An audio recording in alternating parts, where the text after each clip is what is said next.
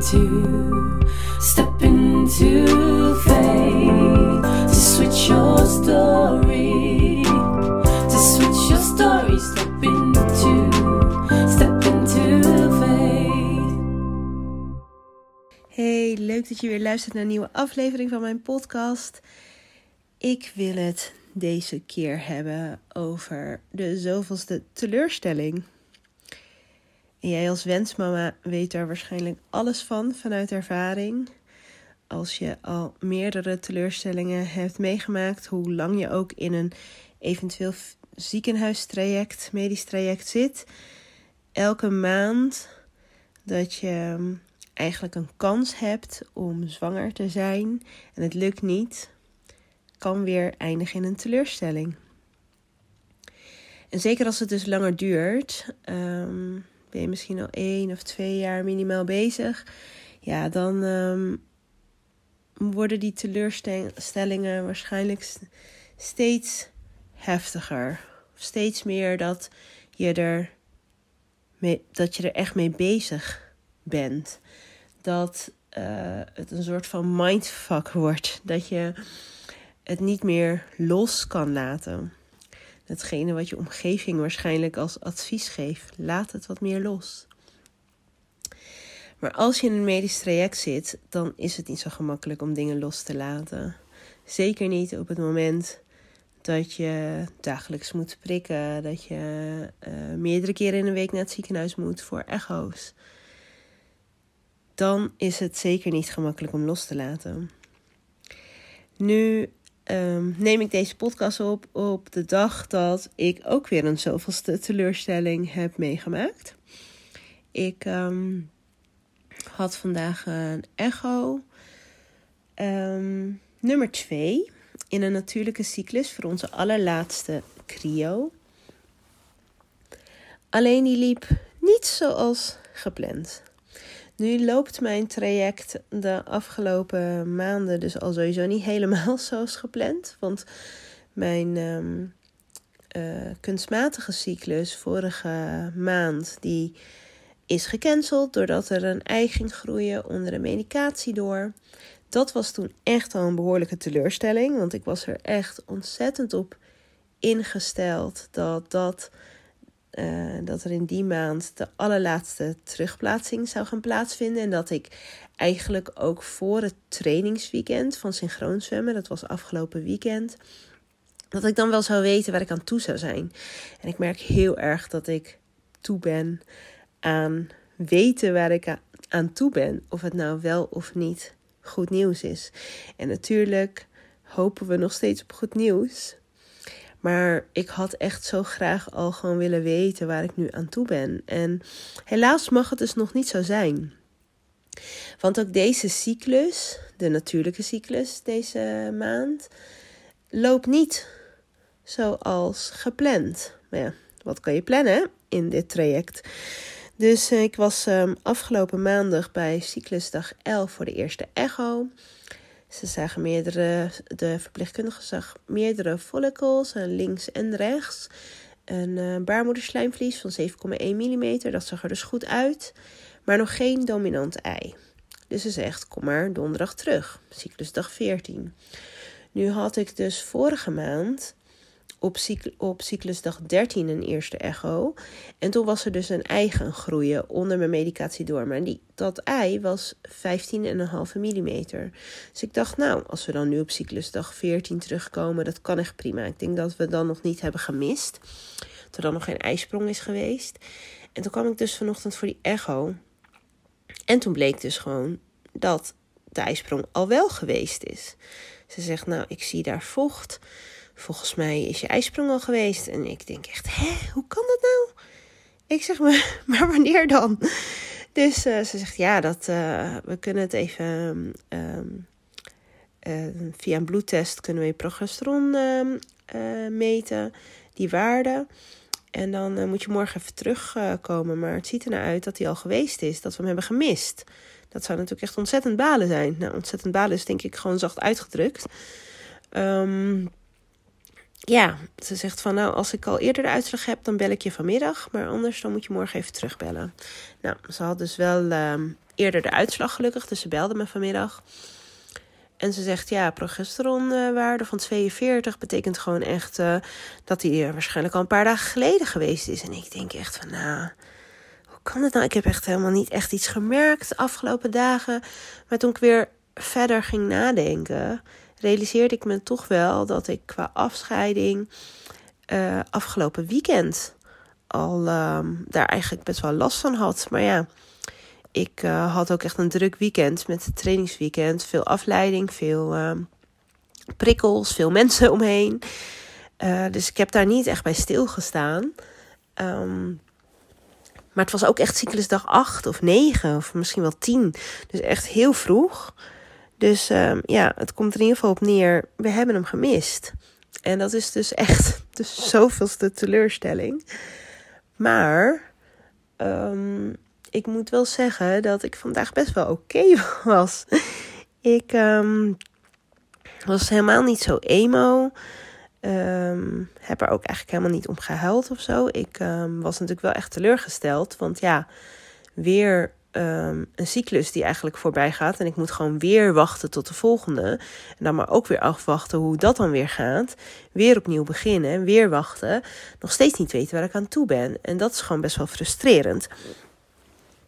En nou ja, deze zoveelste teleurstelling. Ik moet wel zeggen dat het misschien ook wel een beetje komt door de manier waarop ik er deze keer ingesteld was.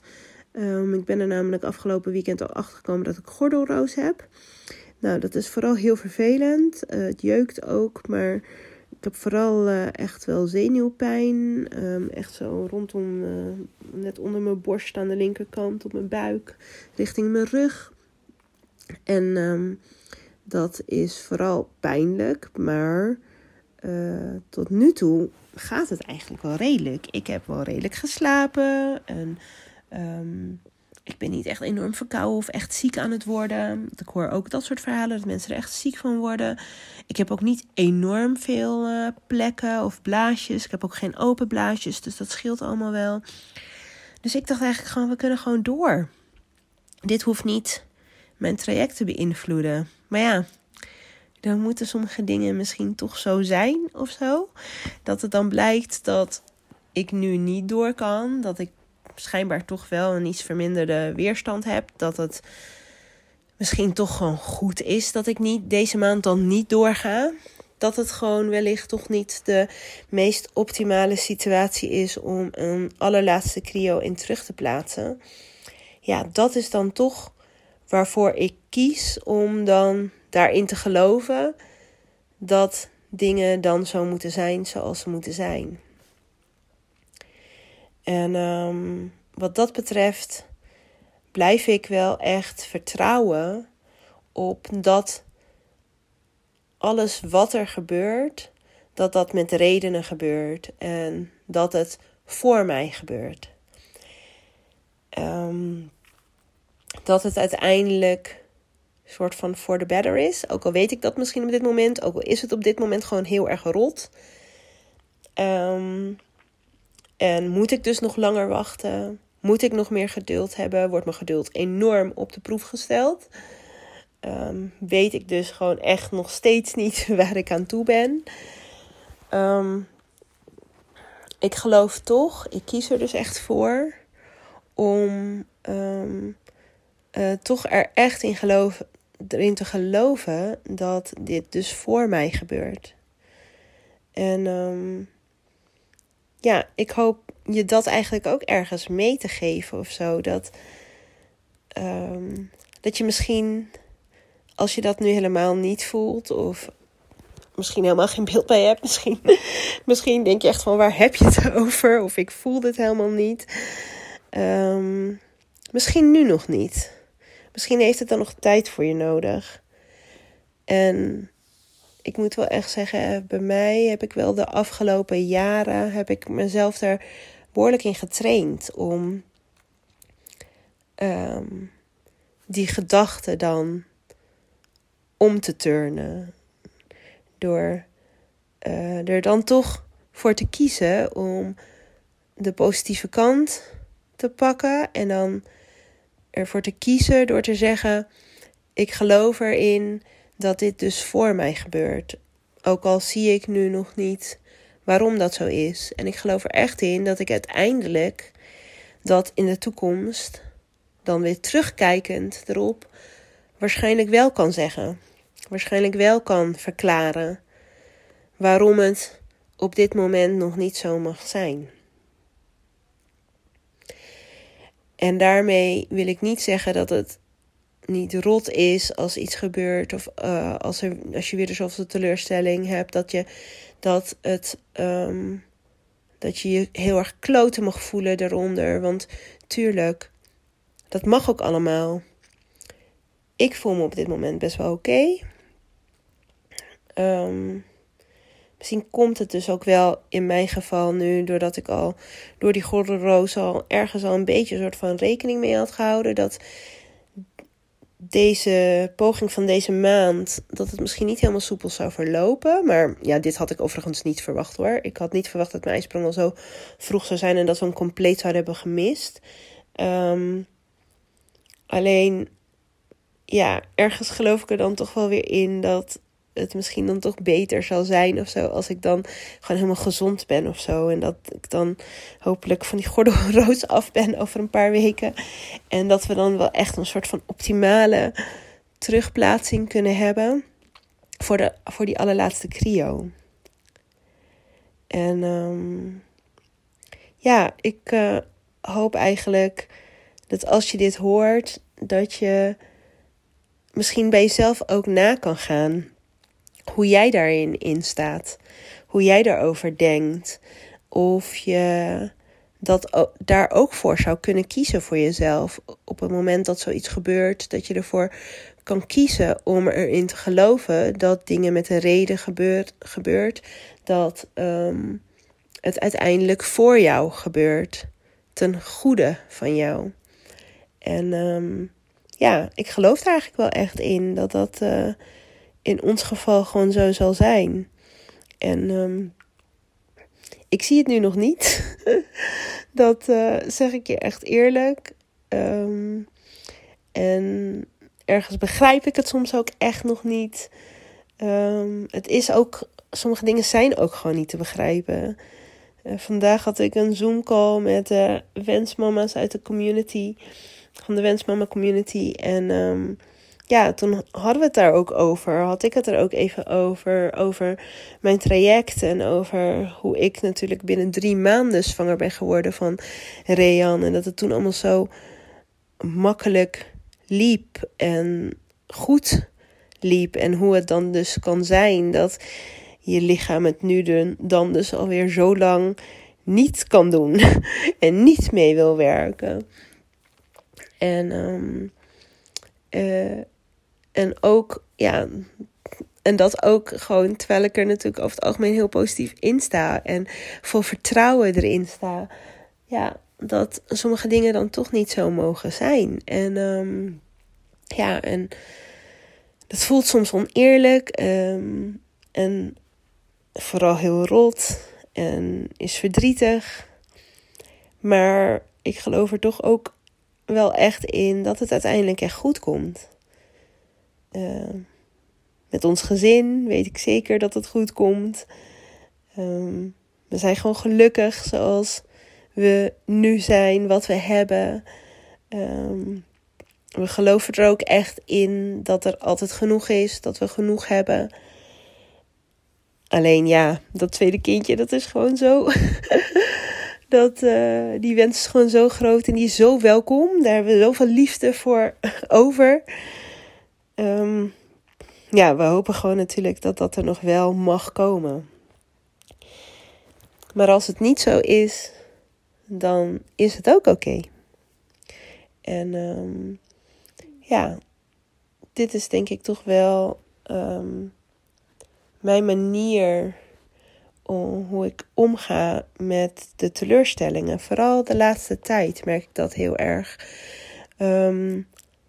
En dan heb ik het misschien toch nog heel eventjes over het loslaten.